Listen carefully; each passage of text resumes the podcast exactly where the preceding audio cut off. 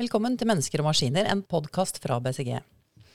Mitt navn er Anette Melby, og med meg har jeg som vanlig min gode kollega Kristian Haslestad. Og i eh, Mennesker og maskiner så beveger vi oss stadig nærmere det operasjonelle i eh, podkastserien om digital transformasjon. Og i dag så har vi fysisk, faktisk, for første gang med oss eh, noen i studio, nemlig Katrine Klovemann, eh, som er CDO, CDO i Møller Mobility Group. Og vi har med oss digitalt Christian Moe, som er Chief Data and Analytics Officer i Gjensidige. Velkommen hit. Tusen takk. Tusen takk for det. Kult å være her.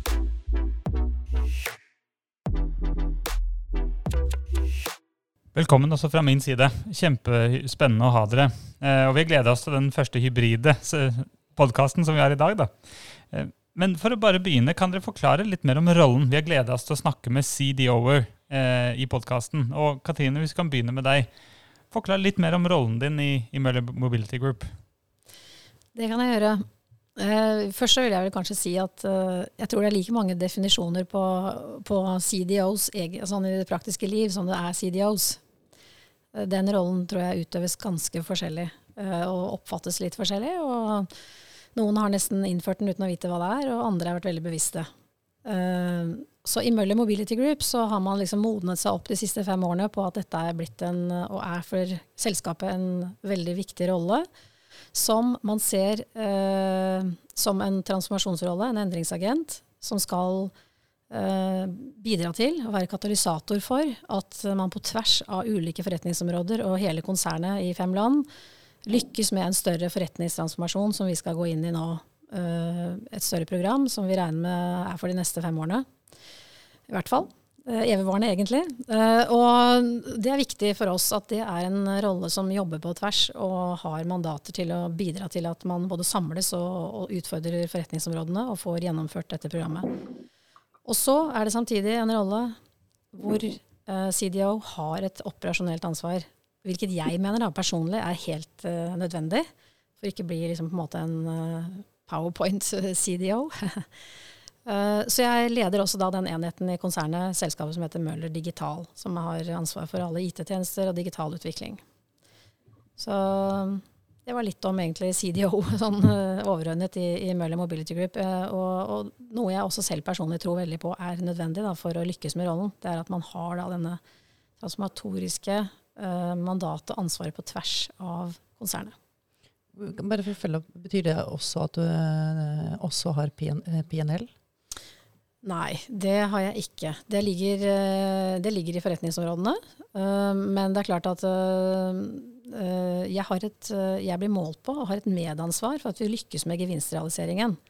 Så det hentes inn der. Så det er klart at det er en uh, Møller Digital har en, en PNL som selskap, eller enhet. Det har vi. Så vi, vi, vi, er jo en tjenesteleverandør, og sånn sett så har jeg det ansvaret for den enheten, men ikke utover det. Men jeg tror den koblingen som konsernsjefen har gjort mot at jeg også blir målt på gevinstuttaket, og er solidarisk felles ansvarlig med forretningsområdene der, det sikrer nettopp mm. at vi får dette til. Mm. Takk skal du ha, Katrine. Og akkurat det her gleder vi oss til å høre mye mer om, for det er jo ikke alle selskaper som har etablert den rollen. Og det, akkurat hvordan dere ser eh, fordelen av å kunne være der hvor dere er i dag, og hva det gir for, for konsernet. Kristian, vi har jo deg også med, og fra Gjensidige. Hvordan, eh, hvordan vil du beskrevet din eh, rolle? Eh, nei, Min rolle altså, jeg kan si at sentralt i, i, vår strategi er at vi skal være en analytisk eh, drevet eh, virksomhet og bruke data eh, og analyse til å skape kunde, kunde, fornøyde kunder eh, og forretningsmessige resultater og, og, effektivitet. Eh, så tror vi på at vi har operasjon i seks land. I Norge, Sverige, Danmark, Estland, Latvia, Litauen og betjener B2B og B2C i de landene. Eh, to millioner kunder eh, som har eh, sikra liv, helse og verdier hos oss. Og der har vi, Det er ulike markeder, ulik posisjon, utgangspunkt, ulike styrker og ulike utfordringer. Og det, det vi tror er at det er viktig at digitalisering og, og, og datadrevet utvikling sånn skjer i en forretningsmessig kontekst og, og nærme kunden. Så eierskapet til digitaliseringsarbeidet, arbeid med data, er forankra hos vårt oppledelse og styre. Og, og min, min, rolle i, i, dette Vi har sånn sett ikke en dedikert CDO i, i Gjensidig, som, som Katrine er. Men det er å spille organisasjonen god med felles infrastruktur, felles prosesser, tilgang til data, teknologi eh, og plattformer, sånn at vi kan skalere eh, på en effektiv måte digitalisering i, i, i Gjensidige. Takk skal du ha, Kristian. Jeg tenkte bare, Kan du beskrive litt mer rundt det kompetansemiljøet som er samla i rollen rundt deg, eller og hvordan du jobber i grensesnittet mot resten av organisasjonen? For det er klart det må Hvilke kompetanser, størrelsen, sentralt link til eh, forretningsområdene. Eh, sette noen ord på det? Ja, det, det kan jeg gjøre. Eh, sentralt i, eh, hos oss er, er, det å være en analytisk drevet virksomhet. Og, og vi er et, et sentralt miljø, består av ca. Ja, 80-100 personer. Eh, som jobber sammen med, sammen med, sammen med konsernet eh, for øvrig i, i tverrfaglige team eh, for å bruke data til i produktutvikling, eh, tariffering, salg, kundeservice, skadehåndtering i digitale, produkt, digitale produktteam og til skadeforebyggende og skadereduserende arbeid. Vi gleder oss til å høre mer om akkurat det, det dere er ute på. og Jeg skal gi den over til deg, Anette, men bare for å høre hvordan hvordan er det hos deg, Katrine, og det kompetansemiljøet som er satt opp rundt deg, og, og linken du har til forretningen? Mm. Ja, I Møller Digital så er vi ca.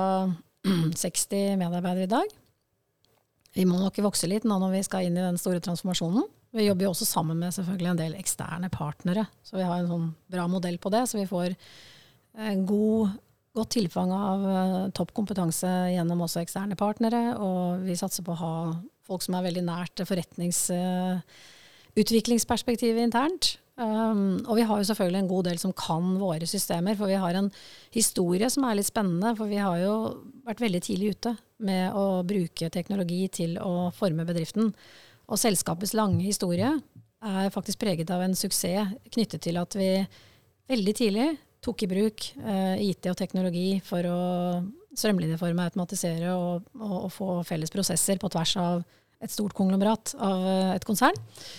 Så vi sitter jo med Cobol mainframe faktisk løsninger i dag. Det kan si litt om hvor vi var og hvor tidlig ute vi var. Så det er jo det vi også skal gjøre noe med nå. Så vi har den type kompetanse også. Men en flott organisasjon som jobber tett med forretning etter hvert i dette som er blitt eh, begrepet kryssfunksjonelle team, som vi øver oss og trener på for å sitte tett og, og nært, og, og, samtidig da, i, diskutere problemstillingene, ikke sekvensielt. Mm. Hvis jeg, skal, hvis jeg, skal, forsøke å tolke dere, så, mm. så, tolker jeg din rolle til å være bredere, kanskje, enn en din, Christian. Eh, som er mer fokusert om data analytics. Eh, stemmer det? Ja, min rolle er primært fokusert på data, dataanalyse. Ja. Ja, ja. Din, er, din, er, dypere, på en måte, og din er bredere. Um, kan dere uh, Altså uh, dis, Hvordan man setter opp data- analytics-miljøene varierer jo også fra organisasjon til organisasjon. Uh, men kan dere si noe om både forankringen av mandatene deres og hvilken nordstjerne, hvor eksplisitt nordstjerne dere navigerer etter på områdene dere råder over? Kristian, du kan gjerne begynne. Ja, og, og, veldig godt spørsmål. Da, eh, og da For meg så handler altså digitalisering og data går egentlig litt over i hverandre. og sånn er det også hos. Hvis vi ser på hvorfor er det vi digitaliserer i, Gjensidige, eh, så helt overordna er det to grunner til det. Det er kundeorientering, og det er effektivisering. Og Ser vi på kundeorientering, så er det slik at i mer enn, mer enn 200 år da, så har vi sikra liv, helse og verdier for kundene våre. og det, det engasjementet for enkeltkunden det har nok vært der egentlig siden 1816. Eh, når gårdene der ute slo seg sammen, eh, lagde fysiske brannkasser eh, hvor man la inn, la inn, penger slik at man skulle kunne hjelpe hverandre hvis uhellet var ute.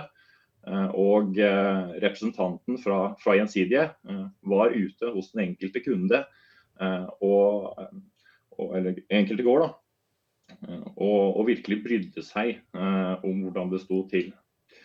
Og Det å skape trygghet for at vi er der hvis uhellet er ute.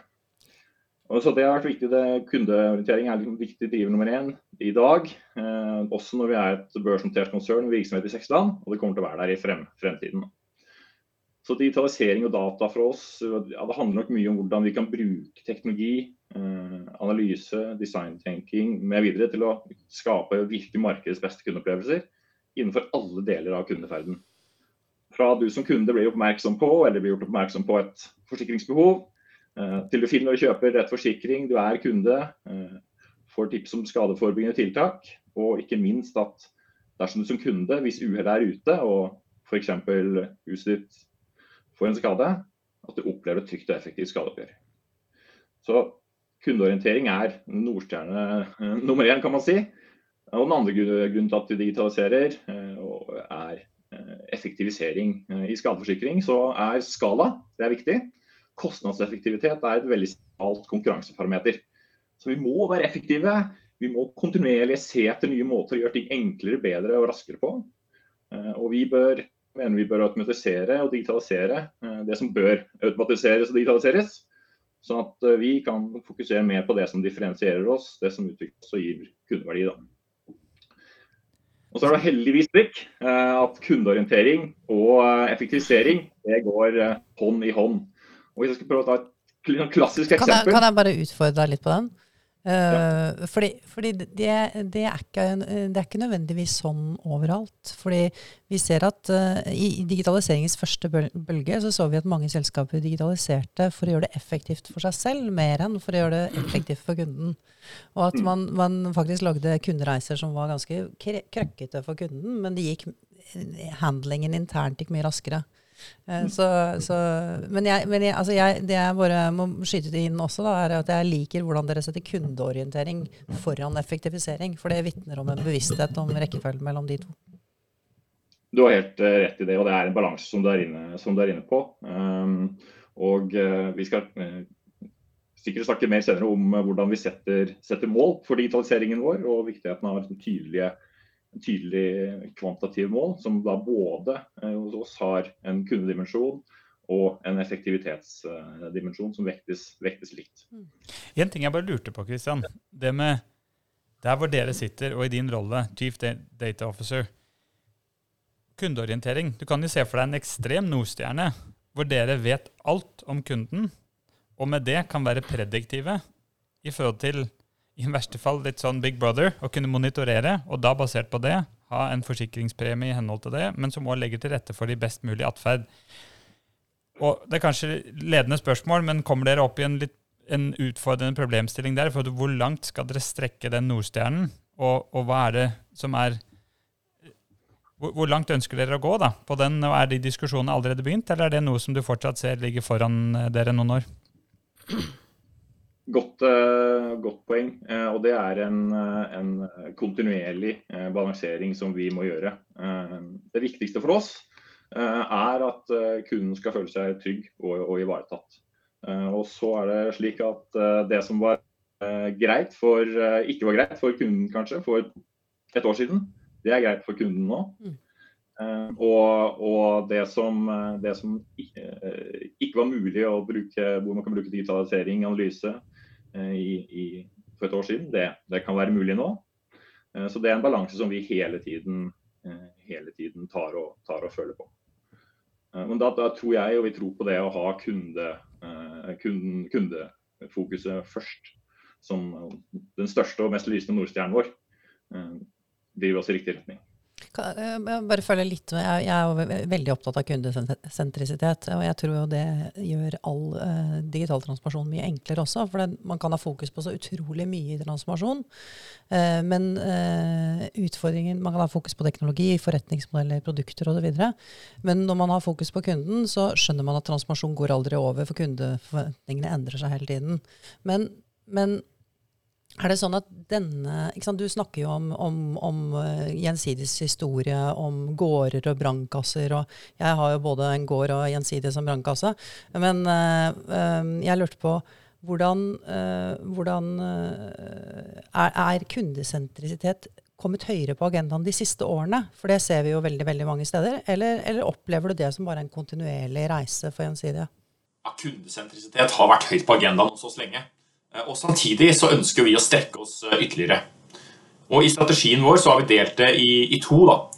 Det første vi gjør, er å digitalisere det vi er i dag. Digitalisere i dag for å være en relevant forsikringsaktør for kunden i hele kundeferden. Det skal være enkelt, trygt og effektivt å bli kunde, være kunde, og bruke forsikringen når skaden inntreffer.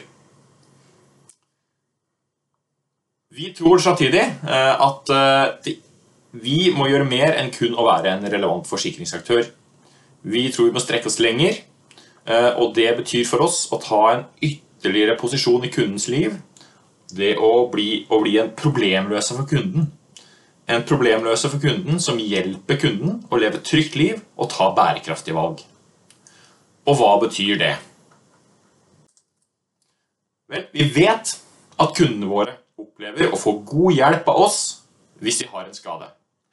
Likevel så skulle de nok helst sett at vannskaden, brannen eller bilulykka ikke skjedde. Så hvis vi kan gjøre det enkelt å gjøre skadeforebyggende tiltak, så er det et kinderegg. Det er for det første bra for kundene ved at de slipper skader, og de får da indirekte også lavere priser. Det er bra for gjensidige. Vi får lavere skadeutbetalinger. Og det er veldig bra for samfunnet ved at vi må bruke mindre ressurser til gjenoppbygging. Så det å unngå at skader inntreffer, det er kanskje det mest bærekraftige et forsikringsselskap kan gjøre. Og I det her så er bruk av data og teknologi helt sentralt. Og Jeg kan fortelle om to konkrete eksempler på hva vi gjør, og hva dette betyr i praksis. Det første er knytta til hjemmet ditt. I Norge så skjer en vannskade hvert så det vil være bra for oss om vi kan forhindre at den skjer, og det vil være suverent for kunden, som slipper å ha så mye styr. Og vi jobber nå med en forsikringstjeneste med sensorikk inkludert, som skal forhindre at disse skadene skjer, at store vannskader skjer i hjemmet. Og Den testinga den ble gjennomført i vår, og det gikk under navnet Hjemsidige 24-7. Og I den testen eh, så er det da enkelte av våre kunder som også er Tekna-medlemmer, og dermed ekstra teknologiinteressert. Eh, de har fått eh, en rekke sensorer som er og en tilhørende app. Det er en hub, en vannsensor, en optisk røykvarsler og en smartplugg til stikkontakter. Og I tillegg til Tekna-medlemmene, som jo er IT-folk og ingeniører, så har vi naturligvis en kontrollgruppe som kanskje har litt mindre interesse for smartteknologi. En av tingene eh, vi jobber med, er at eh, da sensorene varsler oss automatisk, så vi kan se når en skade skjer. Eh, gjerne før sensoren stopper vanntrykket, så vi kan kontakte eier og spørre, oss, spørre, unnskyld, spørre eieren om han eller hun trenger en eksempelvis en rørlegger, som vi kan hente inn fra våre nettverk. Denne type modell har en viss kompleksitet ved seg da, som gjør at vi må tenke helhetlig. Eh, vi flytter oss fra å være en reaktiv eh, forsikringsleverandør til en proaktiv forsikringsleverandør. Det er nytt for oss at vi skal eh, distribuere fysiske komponenter, så distribusjonsprosesser, partnerskap videre må tilpasses. Og så er det viktig for oss at teknologien fungerer optimalt sammen med våre systemer. At vi fanger dataen til rett tid integrere tolkningen av det inn i våre prosesser og tar kontakt med kunden da, på rett tid og i rett kanal. Og skaper en følelse av trygghet snarere enn en følelse av at storebror ser deg.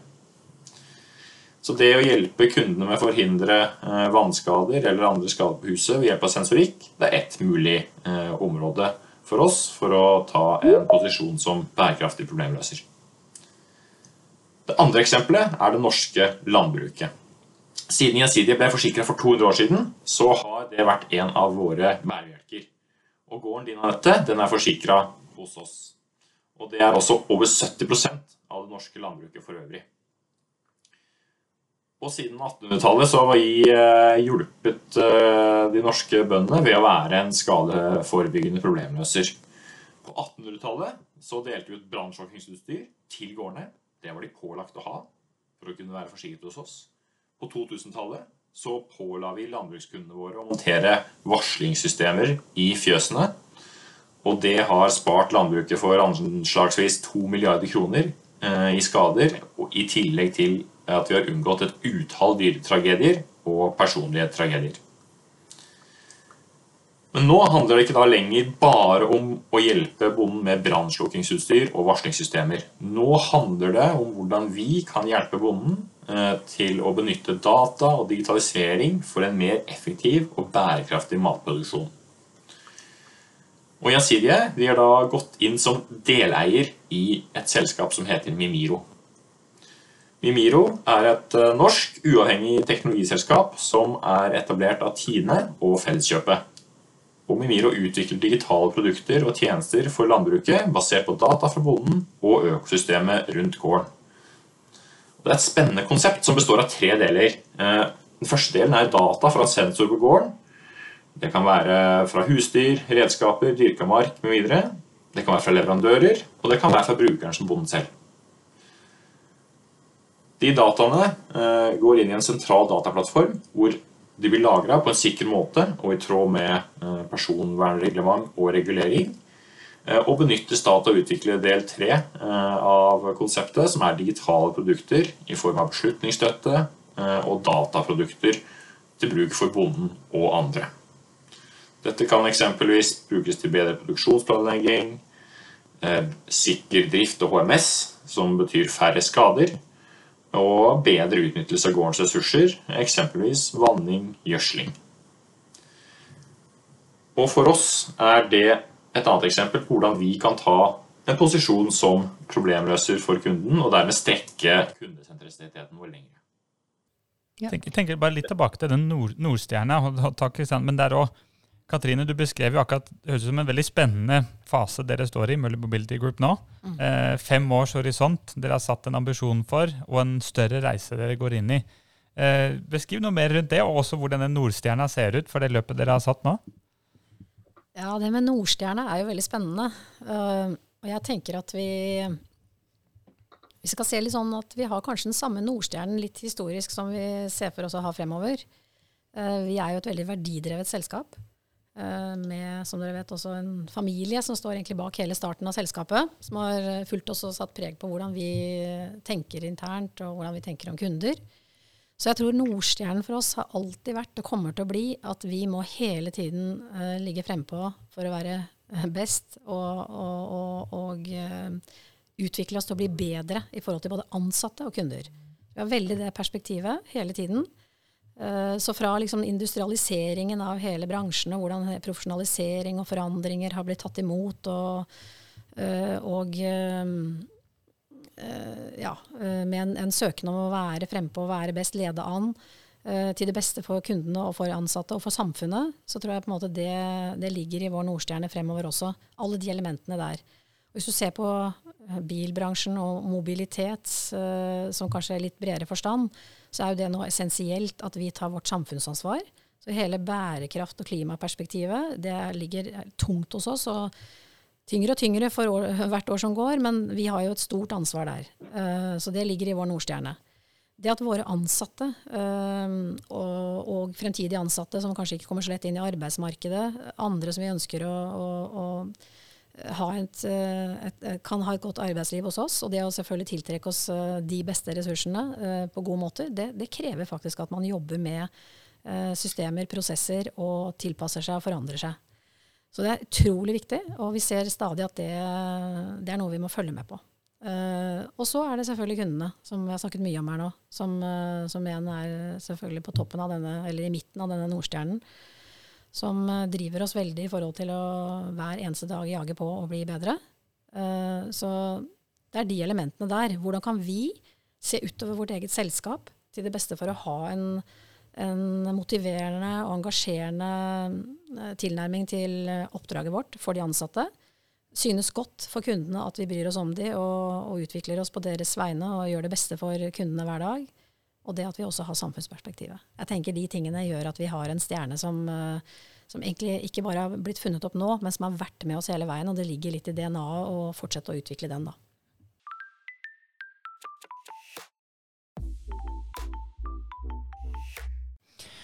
For å forstå den nå da litt mer, um, hvor ekstrem ser dere den reisen er? Hvis du kan tenke at dere er jo en um, bilforhandler og, og, og det som har av nedstrøms av verste aktivitet osv., så, videre, så er dere jo en mobilitetsleverandør. Det ligger vel også i navnet deres, Møller Mobility Group. Um, men ut av interesse òg, hvor, hvor, ekstrem er den vandelen fra en hovedandel omsetning og av forretningen deres i dag drevet av et bilsalg til å gå mot et mobilitetsleverandør? Det, hvor ekstrem er allerede den innenfor de neste fem årene, og, og hva hvor, hva slags krav er det stiller til dere i den reisen dere går inn i? Ja, Det er store spørsmålet som vi diskuterer eh, så ofte vi kan i konsernledelsen. Så det er klart at uh, Hvis du ser bare fem år tilbake, så tenkte vi at dette skulle ta lengre tid. Uh, og nå er vi der at vi ser at de fe neste fem årene vil innebære ganske store forandringer. Derfor snakker vi transformasjon. Vi snakker ikke digitalisering, vi snakker digital transformasjon.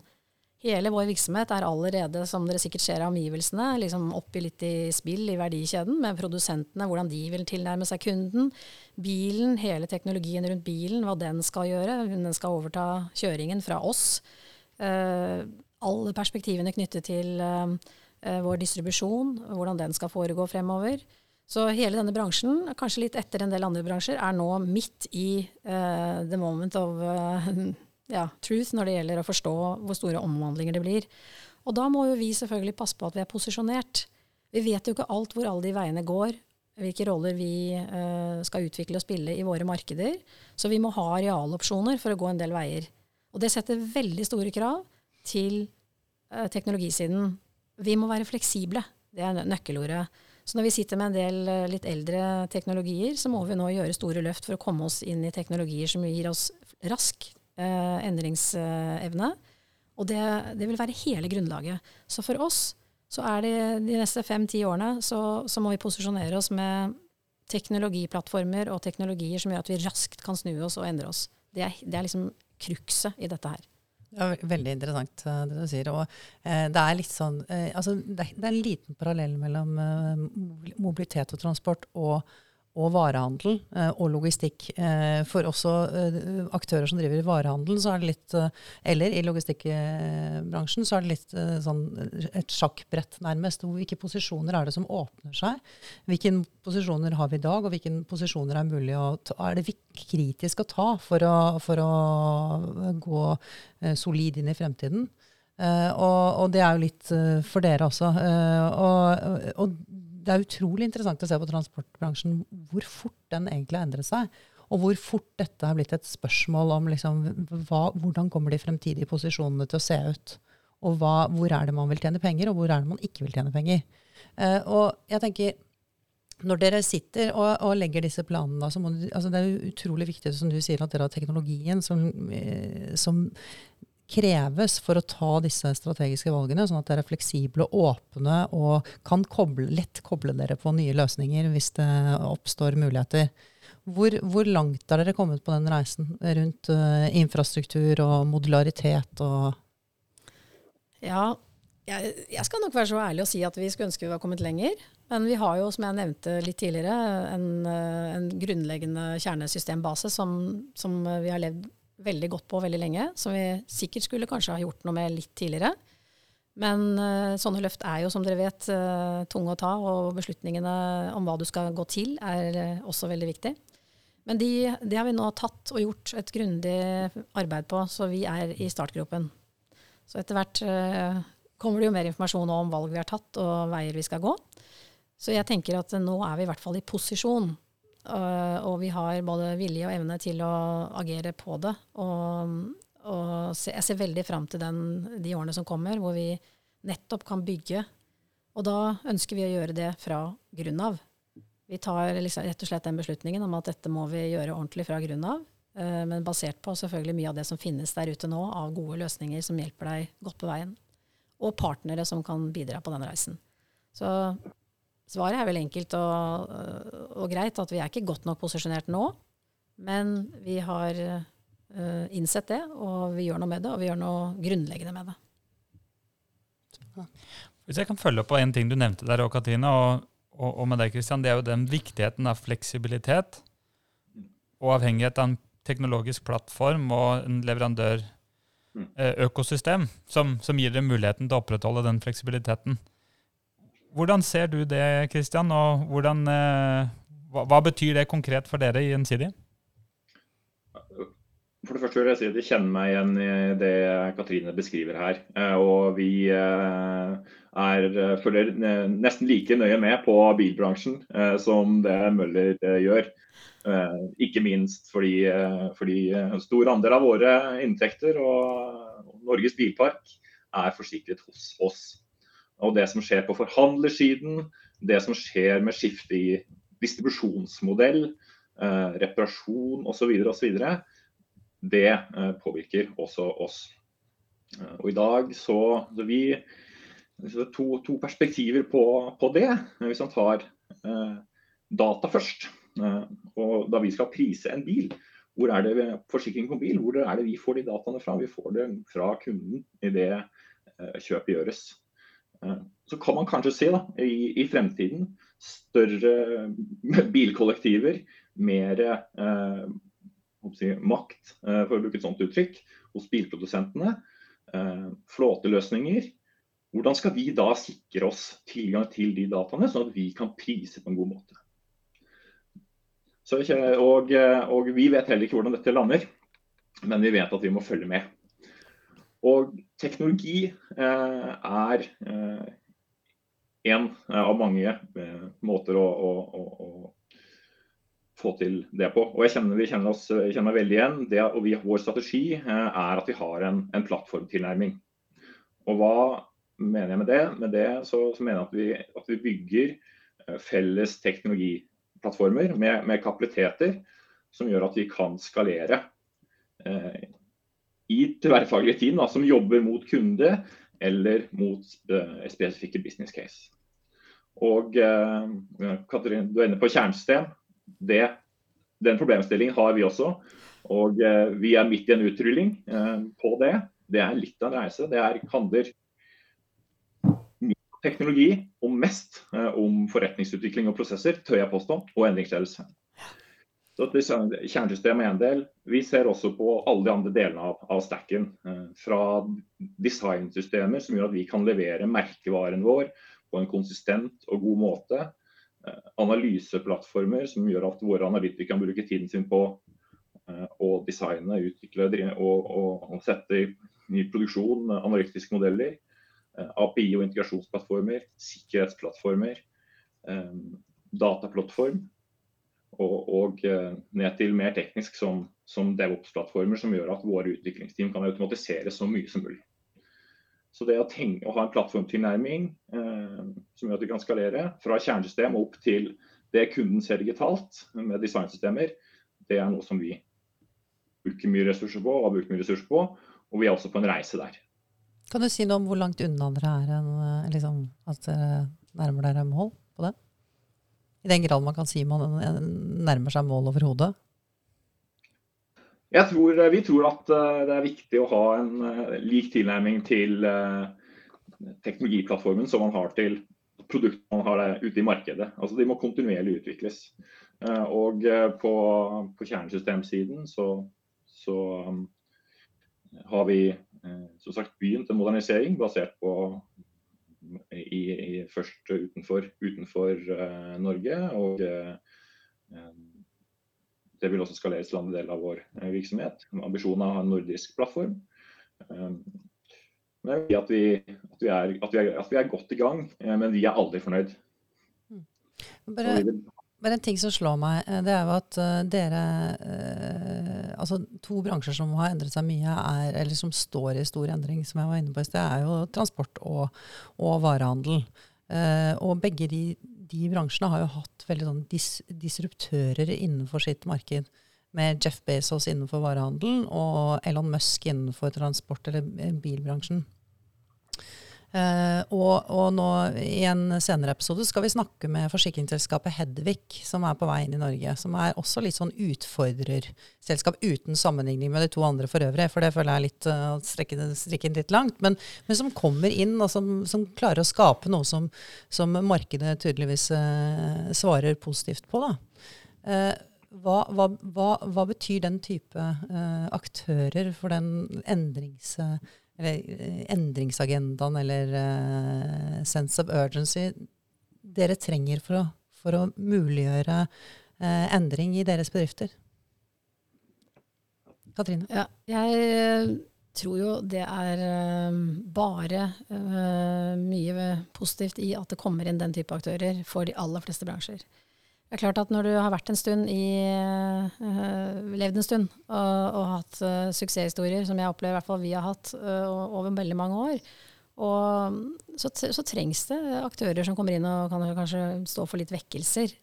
Det tror jeg. Og det er vel en kjensgjerning at det kan være kanskje enklere òg å komme veldig sånn nytenkende inn fra et nytt ståsted enn å, å, å være liksom voldsomt nytenkende i et mer eksisterende system. Så det er velkomment og viktig. Og mm, jeg tenker det har vekket også for vår del i, i den tradisjonelle bilbransjen. Vekket de, de tradisjonelle store uh, bilprodusentene. Vi ser jo hvor mye som skjer. I tillegg til at jeg vil si at samfunnsutviklingen rundt klima og bærekraft og, og, eh, og, og mye av det som skjer i, rundt oss i samfunnet, har vært like stor vekker. Så det å ta på alvor mm. liksom, at du har både nye aktører som fornyer produktet, tenker helt nytt om distribusjon, og denne samfunnsutviklingen uh, totalt sett da, uh, bidrar til at vi, vi alle sammen må, må liksom løfte oss og se at her skjer det her skjer det noe nytt uh, som kundene tar vel imot, og kundene forventer etter hvert at alle har. Og, og det å da bli litt sånn følelsen, få følelsen at du kommer i baksetet i din egen bransje og i din egen bil, ditt eget selskap, det liker vi ikke. Vi vil sitte i førersetet. Så, så, jeg syns det er bra.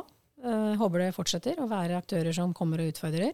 Og så tenker jeg at noen av de kan vi samarbeide med kanskje også, og, og lære av. Og vi ser jo også at større konsern faktisk går inn og velger å investere i eller kjøpe den type aktører, for å nettopp eh, både nyte godt av eh, kompetanse, kultur og produkter som kommer fra nye aktører. Kan være vinn-vinn for begge parter i en del tilfeller, det også. Så det er spennende å følge med på. Så, så, det tenker jeg egentlig bare er positivt. Og eh, jeg tror noen av de bransjene du nevner, varehandel, transport osv., kanskje òg har vært relativt tradisjonelle. Og om jeg kan bruke det uttrykket, ikke kommet så raskt inn i digitaliseringen som uh, forsikring eller bank, finans, som jeg også har lang bakgrunn fra. Og det, hvis du ser på produktet, så sier det seg selv at det er noen forskjeller. Fysiske produkter som skal handles, tas på, kjennes på, og man har et forhold til det, der, der har det kanskje tatt litt lengre tid å komme inn i digitaliseringen.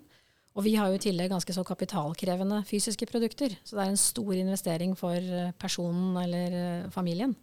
Så, så, jeg tenker at det har tatt litt lengre tid. Derfor så har vi på en måte kanskje som bransje stått litt mer i de tradisjonelle eh, formene for distribusjon. Mm. Vi har jo også stor lager logistikkvirksomhet. Mange ting rundt oss som, som nå Eh, som vi har jobbet med, og for all del. Vi har digitalisert, automatisert og, eh, og nærmet oss kundeløsninger i mange år rent digitalt. Men, men, vi trenger å ta det enda mer større grunnleggende løftet også på disse kjernesystemene, som jeg tror mange rett og slett ikke orker å ta. Og som man blir stående med uh, uten å modernisere altfor lenge. Og du kommer til et punkt hvor det ikke hjelper deg at du har masse digitalt rundt deg, og at du har fornyet deg på dataplattformer og kundeløsninger. Fordi det er rett og slett begrensninger etter hvert i, i de grunnleggende kjernesystemene. Det er jeg litt stolt av at vi tar det løftet nå. Hva er de største begrensningene? Ja, det, er ofte teknologiske begrensninger. Det er rett og slett bare for oss nå øh, veldig krevende å få utviklet nye forretningsmodeller og få det tilpasset inn i, i det gamle systemet. Med de beskaffenhetene det her, fra antall felter til øh, Og så er det selvfølgelig sånn at man har Eh, strukturen i en, en, den type teknologier fra de, de, årgangene er eh, litt vanskelig å forene med det man ønsker å få til nå, med å skille data fra kode. Det å kunne åpne opp for partnere, det å raskt da, legge til, vil jeg si. Ny funksjonalitet, nye prosesser, nye produkter. Det tar for lang tid.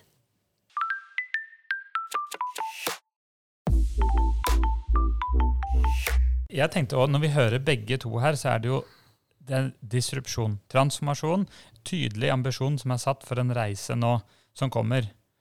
Og et ønske om å sitte foran i, i bilen, som dere sier, og ikke da sitte bak. Hvordan er det vi måler at vi er på vei dit?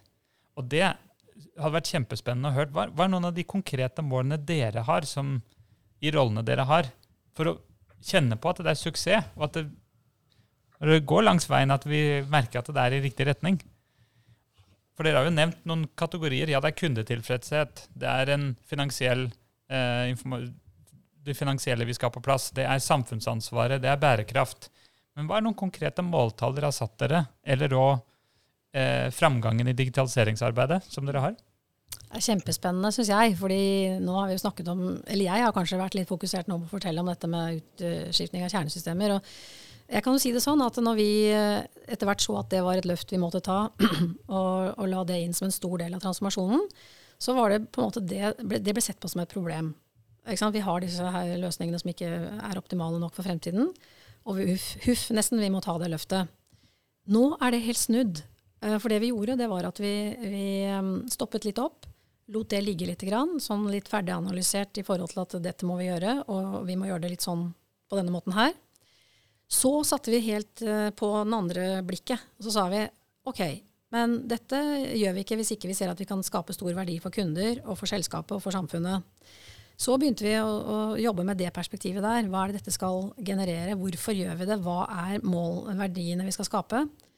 Uh, så da brukte vi på en måte litt uh, Fikk vi med oss ganske store, mange fra organisasjonen, ikke bare toppledelsen og jobbet masse med disse perspektivene ut ifra hvor forretningsområdene var, hva de så, hvordan de skulle forbedre seg, og ikke minst hva er det vi vil få til med kundene våre. Og det gjør at vi egentlig har begynt å jobbe veldig veldig tett med hele forretningsstrategien, målsettingene som ligger der, hvor mye vi skal generere, kan du si vokse, generere, hvordan vi skal utvikle som selskap, hvordan vi skal effektivisere, og satt konkrete mål. Både kvantitative mål og mer kvalitative mål, som vi nå jobber med å distribuere ut i, i organisasjonen vår som er knyttet til uh, resultatene av denne digitale transformasjonen. Fordi den er egentlig en forutsetning for at vi skal lykkes strategisk i årene som kommer.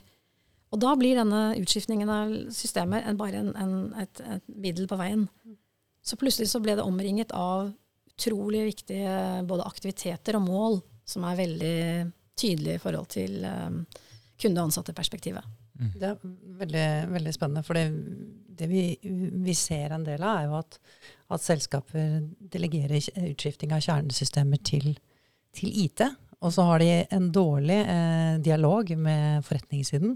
Og så skiftes da kjernesystemene ut i et vakuum. Og når business kobles på, så, eh, så er de bygget for feil formål. Eh, så, så, jeg liker veldig godt tilnærmingen at dere går eh, altså dere definerer at dere må skifte kjernesystem, og så går dere til businessen og definerer behovene. Eh, og ut ifra det, så, hvis jeg forstår det, det er riktig. Ja, det, det, er, det, er, akkurat det vi gjorde. og det det var på en måte en kombinasjon av at de kom til fatet, bordet, med, med, masse som lå i planene allerede. Vi så litt lenger frem. Vi har brukt litt tid på det, sånn at ikke vi bare Vi kaller det for fjernlys og nærlys og parklys det er greit med sånne bransjeanalogier.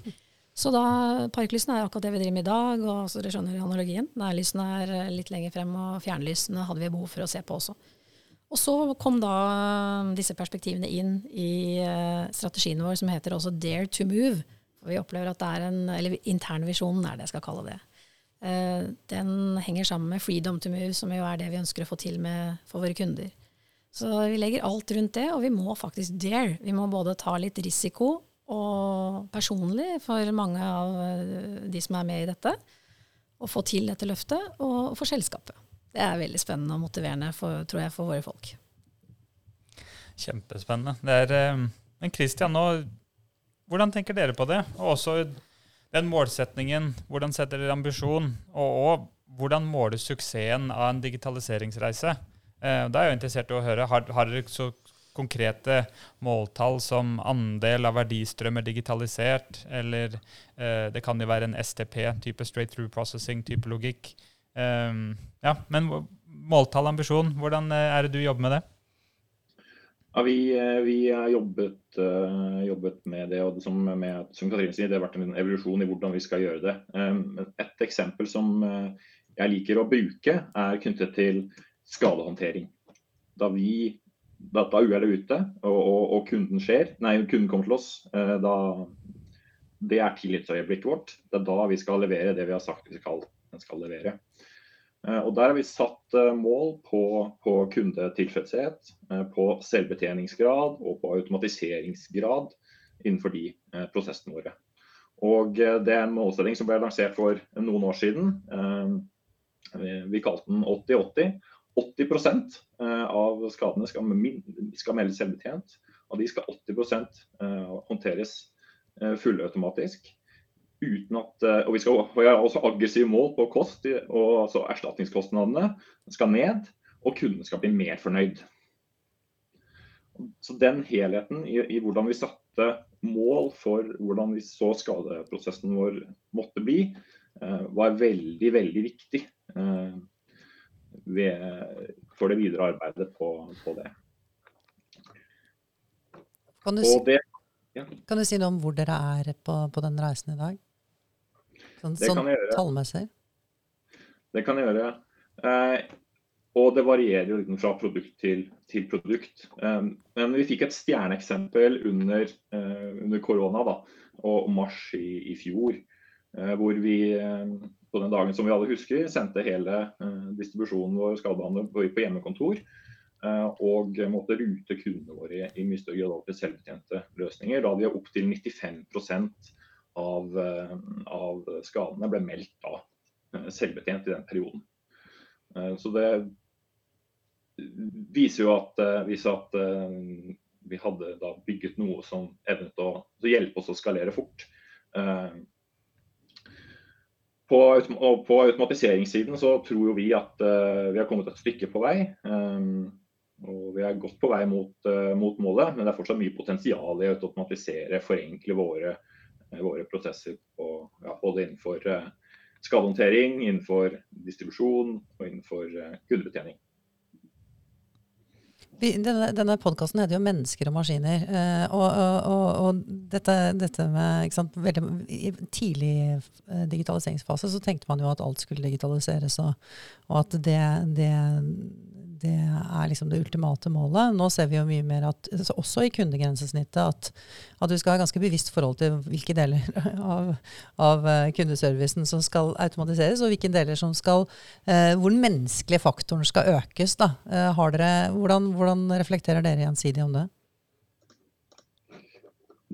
Ja, du kan si at uh, Tradisjonelt så, på, så har jo Gjensidig vært drevet til, nesten etter sånn kirketårnprinsippet, med kontorer overalt. Hver kunde vet hvem som var Gjensidig-kontakten. Uh, og hele konseptet var basert på menneske til menneske. Sånn er det jo ikke lenger. Uh, nå digitaliserer vi, vi bygger nye plattformer. Vi har veldig få kontorer. Og visjonen vår er fortsatt kjenne kunden best og bry oss mest. Og da er det jo, Vi har hatt diskusjoner med digitalisering. Da står den visjonen seg fremdeles? Eller fjerner vi oss fra kundene?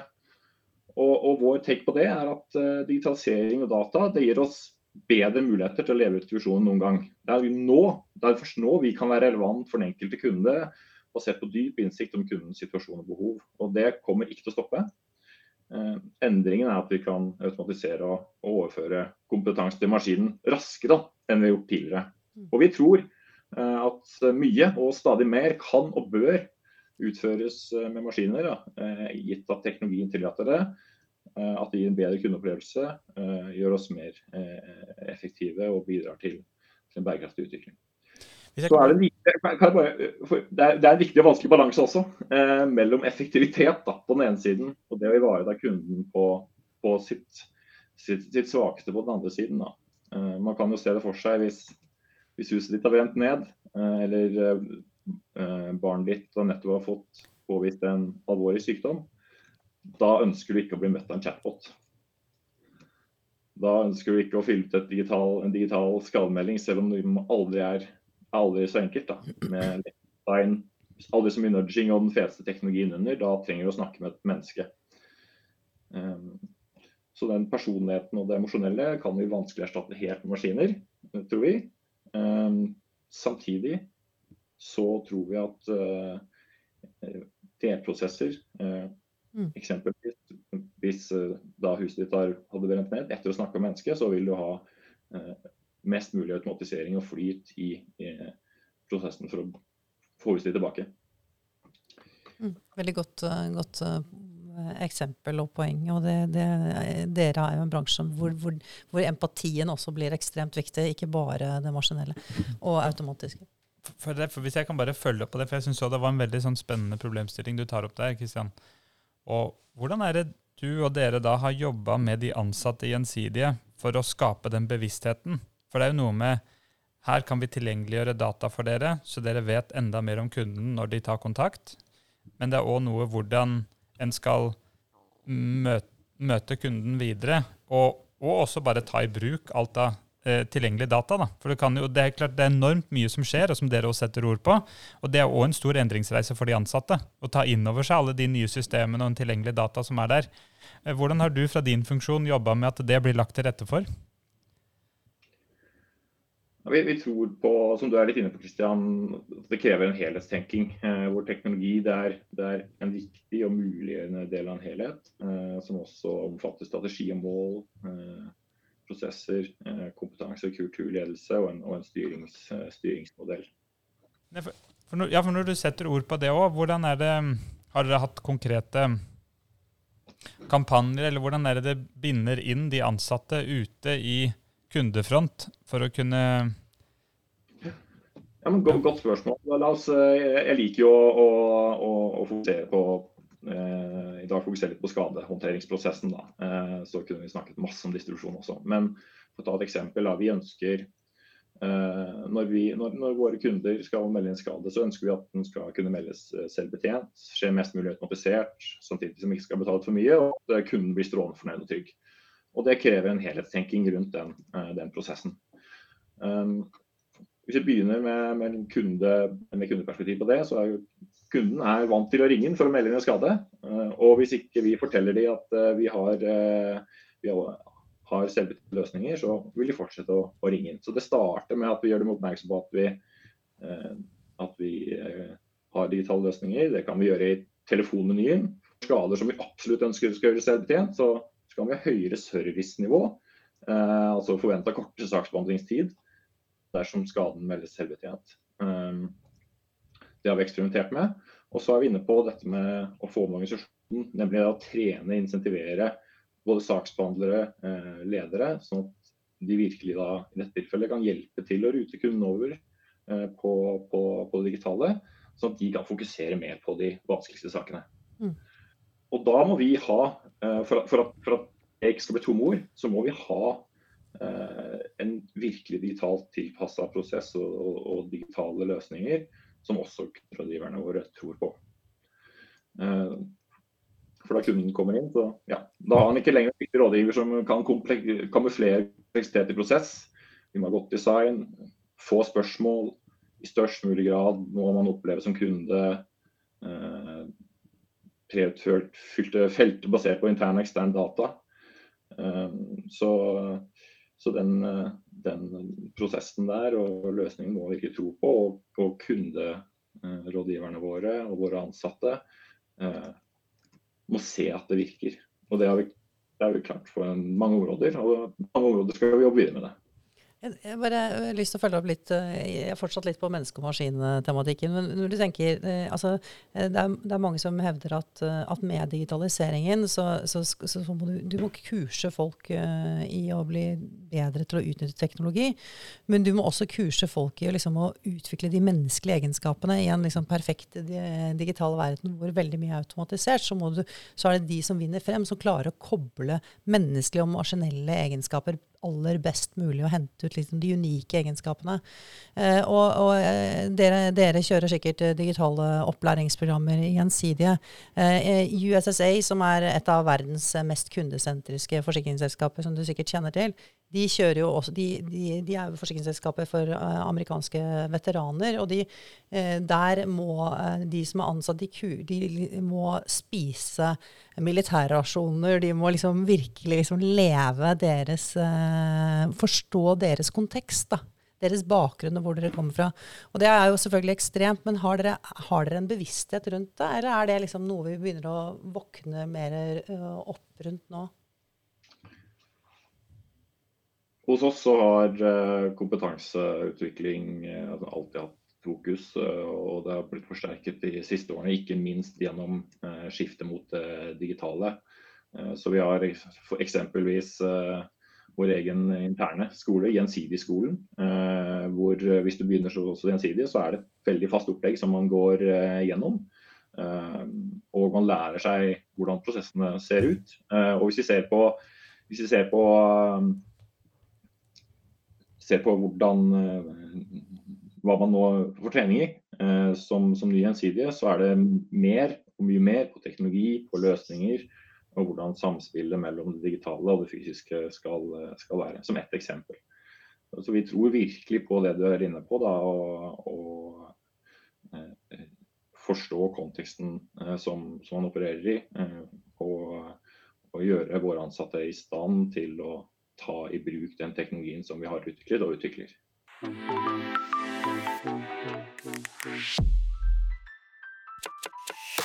Men, men, men, men eh, for det, det, den, den, den, menneskelige komponenten den handler jo forstå vidt om å forstå de digitale systemene, men også det der med de, alle de vanskelige menneskemøtene dere har hos dere, ikke sant? med folk som har mistet hus eller mistet familiemedlem. Eh, jobber dere også med bevissthet, det gjør dere sikkert, hvordan møte disse menneskene? Altså ja, det, bygge den empatiske siden, ikke bare den liksom, digitalkompetansesiden? Ja, ja. Det er helt, helt, eh, helt klart. Og Det tror jeg alle som, eh, som eh, jobber ut mot større kunder, kan, kan, skrive under på. Hvordan skal man møte kunden på en god måte. Ja. For, for, for det, det, er det som, er, som, som, som, jeg tror kommer til å Enten du jobber i forsikring eller varehandel eller nesten i transport også, så tror jeg det kommer til å, å være en av differensiatorene. og Det er derfor vi snakker om bioniske selskaper. At du skal løfte frem det aller mest liksom, eh, du skal løfte frem fortrinnene ved begge komponentene for å få disse selskapene til å virkelig eh, lykkes fremover. Ja, for Det er en spennende tanke som du sier her, Anette, og det ser vi jo virkelig mange steder. Det at vi skal bli enda mer menneskelig når vi digitaliserer oss videre. Og Det kan jo høres ut som det er kolliderende tankegang, men akkurat det er det som får til å kunne få det full kraft av et bionisk tankesett og, og selskap òg. Og, og Katrine, du, du, nevnte jo den reisen dere er ute på. Men òg som CDO, hvis du løfter over litt den, hvordan er det du jobber med forretningen? For det jo, det høres ut som et betydelig og sterkt miljø rundt deg i Møller Digital. Og du er jo veldig tett involvert. Men hvordan konkret skjer det? Fra et eh, årshjul, fra en strategi er satt, til hvordan du er med på gjennomføring og være med å ta prioriteringsdiskusjoner eh, mer dag til dag ute i forretningen. Eh, Spennende å høre. Mm. Nei, altså jeg tror det starter jo med at jeg, jeg har um, Jeg sitter jo i konsernledelsen og er med på alt som skjer der. Så det at vi er et godt team, at jeg er en del av det at vi skaper et uh, godt team, og at disse problemstillingene kommer på agendaen, og ja, at jeg uh, både kan være med på å Uh, sørge for at de andre får påfyll der de trenger, og, og, og, se hva som trengs for at vi som gruppe skal ha gode diskusjoner og få de rette diskusjonene. Det er veldig viktig. Um, og så oppretter jeg møteplasser, så vi har uh, faste møteplasser uh, utenom de møtene hvor um, vi bare har digital transformasjon på agendaen. Og da gjør vi veldig mye. Vi, for det første så bruker vi digitale medier, så vi har jo egne teamsider, og der legger jeg ut masse artikler og ting som jeg syns er relevant, som de kan gå inn og få inspirasjon av. og, og kommer det spørsmål i, i chatten der, og så videre, og, og sånne ting. Um, vi uh, kobler på eksterne som gir oss påfyll. Uh, jobber mye egentlig med å modne opp hele perspektivet om forskjellen på digitalisering og digital transformasjon. Hvordan lykkes vi? Hva har andre gjort? Uh, osv. Og, og når vi nå har vært i en fase hvor vi skal velge mye plattformer og løsninger og samarbeidspartner og sånt nå, så er uh, en, eh, si, en, en, gruppe av konsernledelsen med hele veien. Og etter hvert melder de seg på mer og mer selv for å være med i disse møtene. Delta inn når vi har øh, ja, hvor prosessene går. Så jeg opplever at vi øh, er skapt, og vi er sammen om dette. Vi jobber med det. og Eh, og det tror jeg er helt essensielt. Altså også at vi får styre med, og også gjør en del sånt med styret, og bruker tid i styret på, på, disse tingene. Så det er ikke mulig hvis ikke interessen er der, og eierskapet kommer hos mine kollegaer. De må eie dette like mye som jeg eier det. Og nå, når vi begynner å komme ut i en fase hvor vi skal vi har fortsatt en del beslutninger og ting vi jobber med, men skal sette ting ut i livet, så, så, er det jo liksom kommunikasjonsdirektøren har sitt ansvar, finansdirektøren sitt, uh, forretningsområdelederne sitt innenfor dette transformasjonsprogrammet, selv om jeg holder i, i helheten og driver kanskje videre på med denne katalysator- og endringsagentrollen. Så, så ser jeg nå hvor mye som tas og plukkes opp og eies. Og så må vi selvfølgelig i ledergruppene deres gjøre mye av det samme. Så da er vi også der og, og jobber med de. Og så har vi med sentrale personer fra organisasjonen vår som har gjort et fantastisk arbeid og fortsetter å gjøre det. Eh, og bistår også i konsernledelsen. Og da har jeg lyst til å bringe det litt tilbake til menneske og maskin. For det er så spennende at podkasten heter det. Og det der temaet der kunne man jo prate veldig mye om og lenge om. Så uten å bli for filosofisk, da, så tror jeg kanskje at det, er veldig viktig å se at uh, vi ikke får skrekkscenarioene om at menneskene blir borte helt, og teknologien er mer intelligent, og AI og alt det her, til at vi går den andre veien og stagnerer på den andre siden. Og kanskje en av de utfordringene mange, mange, har, og som jeg har sett og erfart, det er at man tar ikke menneskene med seg på disse prosessene uh, i forhold til hvordan de skal spille en ny rolle. Så det blir så veldig ofte at noen sitter i et prosjekt eller program eller et eller annet sted og finner ut hvordan da kundebehandleren eller selgeren skal gjøre jobben sin i fremtiden. Uh, fremfor å ta de mye mer aktivt med på det laget og la de være med å definere mye av dette selv og forklare hvordan de kan bli bedre. Uh, ikke bare snakke stygt om det de har gjort før, men si at alt det gode empatiske du som selger uh, har, og som gjør at du selger så mange biler, det skal du ta med deg og videreutvikle. Men du må kanskje også bruke det og forsterke det gjennom andre kanaler, og, og da blir jobben din litt annerledes og må fine-tunes på. Men sette mennesket i sentrum. Jeg tror veldig på det. Fortsett å sette mennesket i sentrum. Uh, det er viktigere enn teknologien. Det er mye viktigere å få med seg menneskene og hjelpe dine nye roller, uh, nye oppgaver, uh, bruke seg selv. For teknologien kommer aldri til å bli empatisk, uansett hva man sier om det. Og forstå mennesker sånn som vi mennesker forstår hverandre. Og, ja, jeg er selvfølgelig veldig enig i det du sier. og det, det, er jo litt av grunnen til at man mer og mer snakker om transformasjon som det å endre menneskesiden enn eh, det man snakket om tidligere, som handlet om teknologi. Mm. At det fokuset, den, den, modningen, har jo kommet. Men, men jeg syns det, er veldig interessant å høre, deg, høre hvordan, hvordan, du jobber. Og, eh, og jeg, jeg, har et sånt bilde på CDO-er at gode CDO-er de leder forfra og bakfra samtidig. Kan du snakke litt om det? Altså, for du, du, du, skal jo få med deg en hel organisasjon på, på, på denne endringsreisen. Og det holder ikke bare å få med seg lederteamet. Og det handler ikke bare å få med deg de Du har jo ansvar for digitalt, digitallinjen. Du skal få med hele organisasjonen. Hvordan, hvordan, motiverer du? Hvordan får du med? Hvordan jobber du? Hvordan integrerer du deg og dine eh, folk i team for å få det til? Nei, altså igjen vesentlig. Altså, det, det, jeg tror på mange måter at deres, uh, dette med eierskap til digitalisering, det er i hvert fall ekstremt viktig at uh, toppledelsen er på og med og har eierskapet og virkelig er der uh, kontinuerlig. De må ikke få lov å duppe for langt ned i, hvis problemene oppstår, og forkaste ting. Og, så den, den liksom, eierskapet i gode og dårlige tider, det må være der. Og de må være signalfigurer og, og snakke om dette hele tiden. Men helt umulig, syns jeg, å lykkes. Uh, og jeg ser også at mange sliter igjen med det. Uh, uh, med implementering, gjennomføring og verdiskaping. Hvis ikke du har skapt en bevegelse det, det, er, det, er, da det kommer, når det er selvgående grupper i organisasjonen som bare brenner for det og brenner for det og skal definere noe nytt på det og sette det ut i livet. Og de opplever at de, um, de er satt skrudd sammen som gruppe med kompetanse og erfaring som gjør at de klarer det. Uh, og når det skapes, så kommer de suksesshistoriene som du må begynne å fortelle. For hvis ikke du forteller mange sånne underveis, så, så kan jo sånne svære løft uh, råtne på rot. Eller de, det blir vanskelig å holde stimen oppe.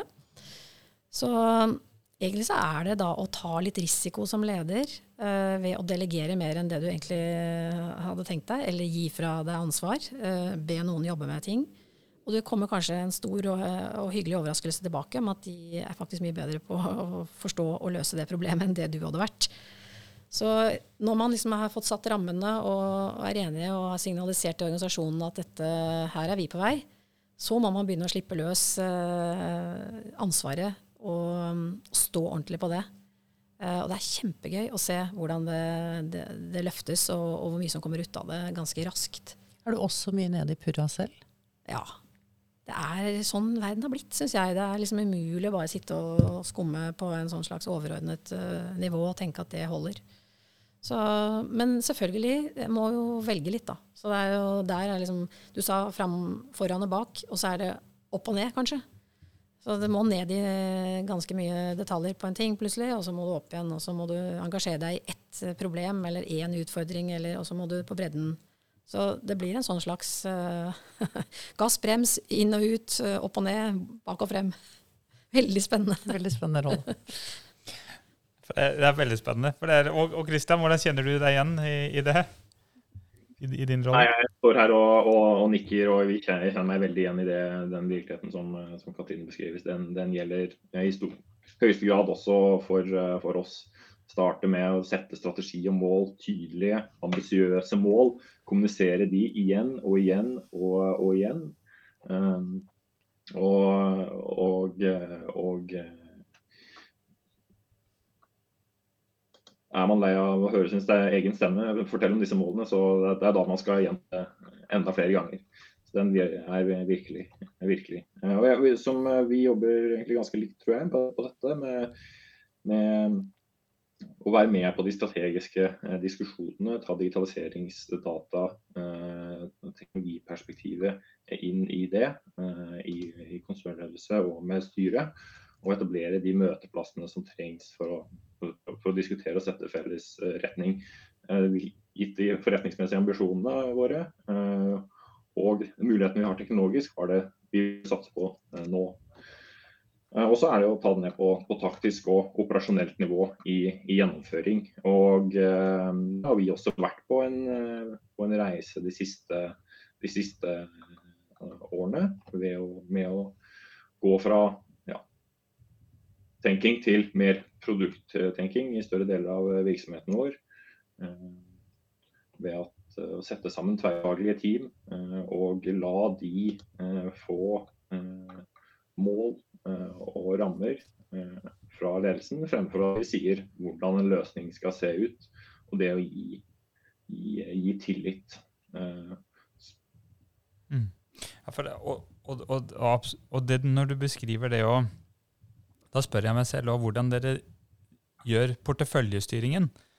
For det må jo være utallige egentlig data dere kan få tak i, dere kan tilgjengeliggjøre, dere kan optimere på, basert på. Uh, og dere har et betydelig miljø hos dere. Samtidig er det vil jeg tro, en begrensning i forhold til dere kan ikke gjøre alt samtidig.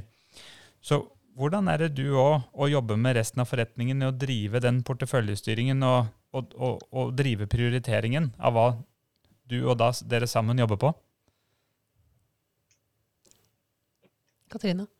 Ja, um, på mange måter så Hvis jeg skulle si noe om hvordan uh, jeg har oppsummert litt og tenkt uh, rundt det temaet, som baserer seg kanskje på sånn lang, uh, Lag erfaring, da, med, med, ulike modeller hvor man tidligere holdt på med porteføljestyring i veldig stor forstand. og og var veldig opptatt av eh, at noen måtte styre helheten og, og vite prioriteringen og hvordan dette skulle foregå. Litt sånn, sånn tenkning. Til at man nå har gått over til det Kristian nå prater om rundt uh, kryssfunksjonelle team og autonomitet, og, og, at man har mer selvstyring. Så tror jeg liksom kanskje at det må være noe hybrid. Det, det er der jeg i hvert fall er i forhold til ting. Det, Uh, vi, vi, ser jo erfaringene som kom fra Spotify etter hvert òg, hvor det ble vanskelig å se at ikke de fikk problemer med totaliteten og helheten og, og porteføljestyringen, uh, prioriteringene. Uh, når, de jobbet, når, de hadde jobbet seg opp en del år og blitt store og skulle skalere, så ble det litt for mye autonomitet. Sånn at en kombinasjon, tror jeg på. Litt gammeldags god styring og porteføljeoversikt og faktisk prioriteringer, sånn at organisasjonen makter å gjennomføre og implementere og ta i bruk. For det er mye mer krevende enn å lage selve løsningen. Eh, så ha respekt for det. At den skaleringen og gjennomføringen og osv. den krever sitt. Så da må noen ha litt oversikt over hvor mye man totalt sett i organisasjonen klarer og, og kan gjøre samtidig. Og hvordan vi skal bruke folk og andre ressurser på best mulig måte. Samtidig da, så, så, vil det ikke bli nok fart og kreativitet, innovativitet og, øh, og resultat ut av det hvis man ikke nå også slipper mer opp og, og har disse selvstyrte gruppene. Så jeg tror på en hybrid, for igjen å bruke det bilverdens eh, uttrykk. Vi har jo fortsatt noen hybridbiler ute.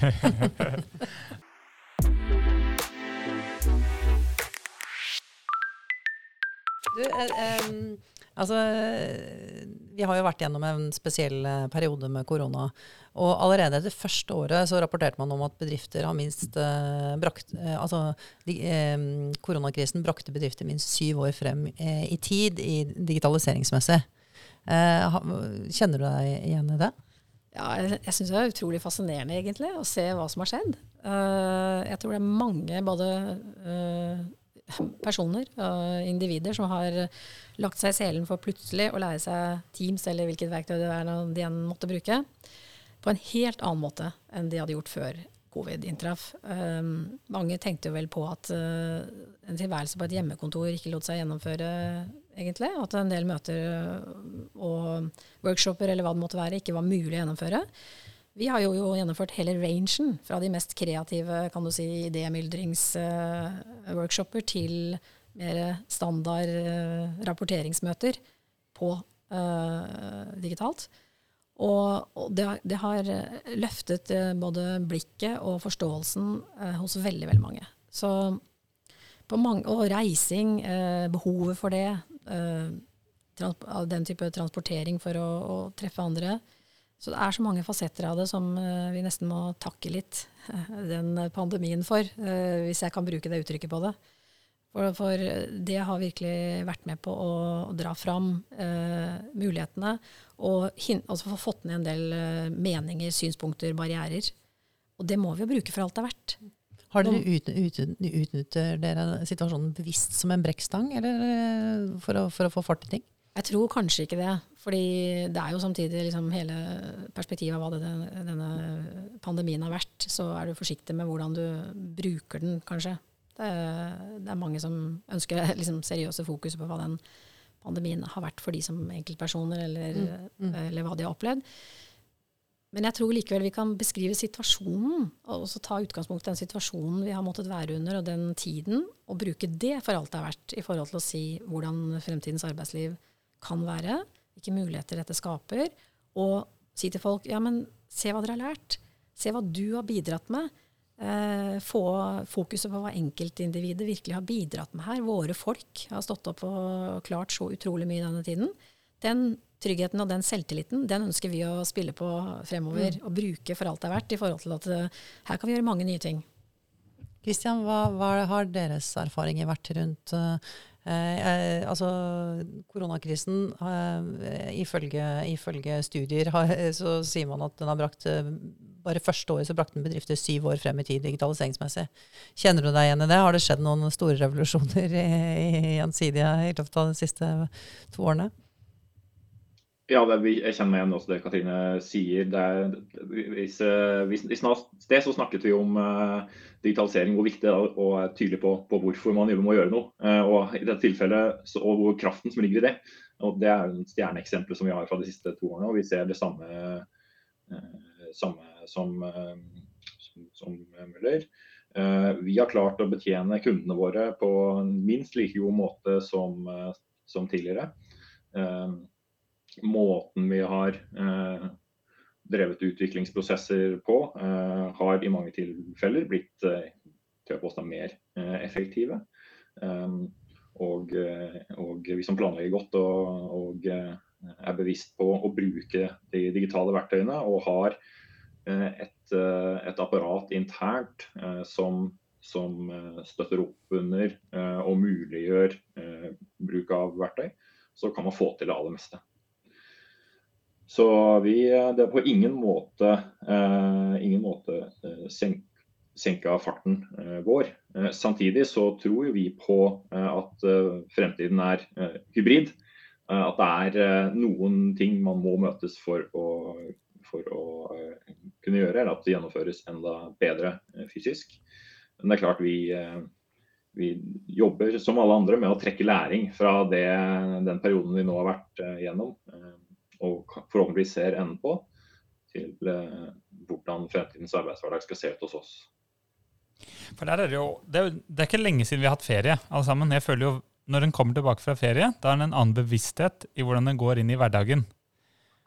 Nå ser vi det, og dere snakker jo om det på en mye større skala. Nå har vi hatt en flere år med en periode hvor vi har vært gjennom eh, mange, mange, måter tøft, men som òg har jo satt og gitt muligheter til hvordan vi kan jobbe. Nå har vi en høst hvor vi skal være veldig bevisst på det og gripe. Og hvis vi ikke er det, så kan du si at vi faller tilbake. Og det er en høy risiko at vi faller tilbake til der hvor vi kom fra, og måten vi jobba før, i etablerte normer og rutiner. Er det noen veldig konkrete ting som dere tenker på? Dette kommer vi nå til å jobbe på en annen måte, gitt det vi nå har opplevd de siste, siste ett og et halvt to årene? Ja, Vi har i hvert fall bestemt oss da, for eh, å kommunisere til alle ansatte allerede før sommerferien at vi legger opp til en ja, nå har vi brukt hybrid mange ganger, men en hybridmodell fremover.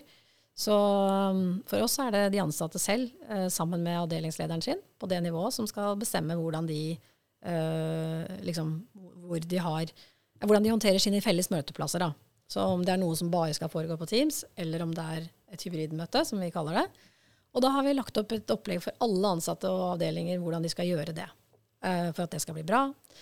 Og uh, de velger selv da litt uh, også hvordan de styrer arbeidshverdagen sin i løpet av en uke med å være på kontoret eller Ja, vi kaller det ikke hjemmekontor, men altså hvis du er på kontoret et annet sted enn på vårt Der du hører, altså på det fysiske kontoret. Så dette ser vi veldig fram til. Vi har egentlig lagt opp en ganske sånn åpen tilnærming. og Uh, kaller det også litt sånn uh, pilot. Uh, vil se hvordan dette går i høst. tror dette blir kjempebra. Så vi får det beste av begge verdener. Med litt sånn effektiv, bra tilnærming til den enkeltes hverdag. ta noe hjemmefra eller eller. Og, og, samtidig så må jeg si, når jeg kom tilbake på, på vårt kontor da, nå etter ferien åh, det var deilig. det var også så godt. Uh, og det var noe med hele det. Og vi kom inn i kantinen, og disse flotte folka vi har uh, som driver vår kantine, de er helt fantastiske. Og hilse på de igjen, og den gode maten var der, og folk skravlet løs. Så er det også noe med at jeg kjenner på meg at uh, det er veldig godt å gjøre begge deler. Det trenger vi. Kristian? Vi, vi har uh, utarbeidet noen prinsipper som vi nå skal prøve å, å følge en periode. Uh, og, uh, og vi, vi, tror på at fleksibilitet det er blitt en del av vår arbeidshverdag. Ansatte skal gis mulighet til å arbeide fra andre steder. og så tror vi også på at vi er en virksomhet med mange tusen ansatte. one size does not fit all. så den enkelte divisjon, leder, avdeling må finne ut hva som er riktig for den enkelte. Eh, og eh, vi, vi sier også at, eh, at fellesskapets behov det, det, det, vil ha og skal ha prioritet. Og Det er en balanse ikke sant? Og, og, og hensyn, hensyn, til, til hva, hva selskap trenger for, uh, i forhold til den individuelles uh, ønsker. Vi, men vi tror at uh, ledelse er sentralt i, i dette. Uh, tillit og trygghet uh, skal prege arbeidshverdagen. Og, og, og, vi er helt avhengig av nå at den perioden vi er i, at våre ledere som er ledere praktiserer en ja, tillitsbasert, inkluderende lederstil. hvor vi, hvor vi lærer de neste månedene for å finne ut hvordan dette skal fungere for oss fremover. Jeg kan kanskje legge til da, at vi oppgraderer liksom fasilitetene våre litt. Så der hvor man liksom før kanskje sparte litt på hvor mange rom man hadde skjermer og videoutstyr osv., det er det ikke noe spørsmål om lenger. Bare for å legge til det, liksom. Du, du må jo kunne gjøre dette ordentlig og oppleve at de møtene hvor noen er på uh, noen er digitalt og noen er fysisk, at de fungerer bra for alle parter. Så da må vi gjøre ha det ordentlig rett tilgjengelig, og kanskje litt mer sånn se på lokalene nå, i forhold til at en del kommer til å sitte i digitalmøter også i fysiske lokaler litt mer sånne snakkebokser og altså, Så vi har alle sånne ting liksom Prøver å tenke litt og underveis her nå justere. Veldig spennende. Eh, det, er, eh, det, blir veldig spennende å følge bedriftenes eh, Jeg tror de fleste har piloter på dette området. Og det blir spennende og jeg, håper, jeg håper jo at, at, bedrifter nå benytter anledningen til å lære av hverandre. hente liksom, Og jeg tror at dette genuint er viktig for å beholde talenter, ikke minst. Så, så det ble veldig spennende. Og det var Takk for en veldig interessant samtale. eh, til begge to. Det var interessant å få litt, eh, litt eh, kjøtt på benet rundt hvordan dere jobber med å realisere planene. Dere som sitter litt nærmere realiseringen enn topplederne eh, gjør. Så takk for at dere tok dere tid. Tusen takk selv. Tusen takk. Stor takk. Kjempespennende.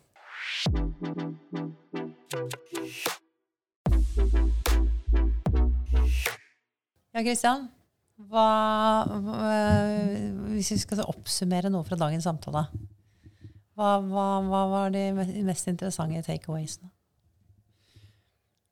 Først og fremst så syns jeg det var jo veldig eh, interessant å høre begges perspektiver. Det som kom tydelig fram for meg, er selv om det er litt ulike roller, en Katrine som eier Chief Digital Officer, en Christian som eier Chief Data and Analytics Officer, så er det noen fellesnevnere som kom fram. Og fellesnevneren som kom tydelig fram for meg, det er bygg tilstrekkelig og sterke sentrale kompetansemiljøer. Sett en tydelig og, og sterk ambisjon hvor du skal gå. Og jobb knallhardt med forretningen i hvordan du skal integrere de inn i den ambisjonen, så du deler den, og du virkelig òg skaper en pull fra forretningen, og det ikke er kun push i forhold til hvordan du skal da legge til rette for det. Um, og, og, og, hvordan du skal sette tydelige mål og, og, få kunden med på det hele. Men, jeg tror det er, det er, flere ting, men det er sånn noen av de sånn overgripende temaene som jeg virkelig setter igjen med. Eh, og så vet jeg at du er jo opptatt av, av mye annet, eh, Anette. Med å spille, spille, den over til deg. Hva er det du Nei, altså, setter igjen? Jeg, jeg syns jo du har veldig mange gode poenger. Og så syns jeg, synes jeg så, så hvis jeg skal komme, ta et, enda et steg bakover da, og tenke over liksom, hva, hvor, hvor, står vi i dag Nå har vi snakket med mange ulike gjennom disse podkastene. Og Katrine og Christian eh, som de siste. Eh, så syns jeg jeg hørte i deres samtale også at de også for så vidt eh, er veldig tydelige liksom, det er veldig tydelig at et eh, man har kommet på et litt eh, større modenhetsnivå når det kommer til digital transformasjon, der man har et mye mer forhold, bevisst forhold til at både IT og business må være en del av, eh, aktiv del av den digitale transformasjonen og jobbe tett. Man har fått et mye mer bevisst forhold til menneskedelen av ligningen, digital, digital transformasjonsligningen. Og man har også fått et mye større resultatfokus. Det er mye større fokus på skalering enn det var tidligere. Og det er mye mer fokus på konkrete og målbare eh, mål. Eh, det syns jeg, jeg, kom frem. Og så syns jeg også det var veldig interessant å høre Katrine når hun snakket om, om dette med utskifting av kjernesystemer. At, at liksom, ja, veldig lenge så, så, så, jobbet vi med eh, dataplattformer og fikk til mye der, men, men så kom man til et punkt hvor det ikke holder. Man man må eh, et, eh, utvikle en mye mer fleksibel eh, infrastruktur som, eh, som, som, gjør det mulig å lettere samarbeide med andre, som åpner opp, og som gjør at man kan ta eh, raske valg. Da. Uh, og jeg syns også det var veldig interessant å høre hvordan, hvordan, man hadde definert det behovet. Og så hadde man gått til businessen og, og, og så utfordret businessen til å tenke fremover. Og, og det samspillet da mellom mellom IT og digitalt på den ene siden, og, forretning i å, i å, forme den kjerne, eh, kjernesystemene sammen. Fremtiden, fremtidens kjernesystemer sammen. Og det, av og til så tror jeg en god del bedrifter faller i den grøften at de lar IT eh, definere dette i silo, og det er jo veldig risikofullt. Ja, det, det, er, det er veldig inn i de refleksjonene der òg. Og det kommer jo også fram Jeg tror det er for de som lytter her òg. Hvis du ikke har et dedikert digital officer eller et data analytics-miljø i et kompetansesenter, så er det noen fellesnevnere her i forhold til måten å jobbe på som en kan ta med seg. Mm. Som kom veldig tydelig. Og det jo, hørte jo vi at de satte ord på. Det ble forsterka og tydeliggjort, hvordan du får integrert inn mot forretningen. For det er det som var en suksessfaktor for at du virkelig får, får det gjort.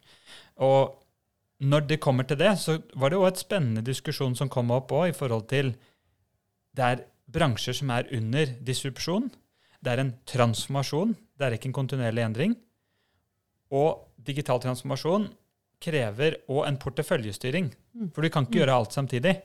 Og der Vi har jo ikke tid til å dekke alt, men, men der fikk vi jo skrapt litt på det at det var Der skal du samtidig ha en sentral styring for å kunne ha et et bevissthet rundt hva skal du gjøre og jobbe med, og kan jobbe med, samtidig som du kan ikke styre det ned til en siste detalj.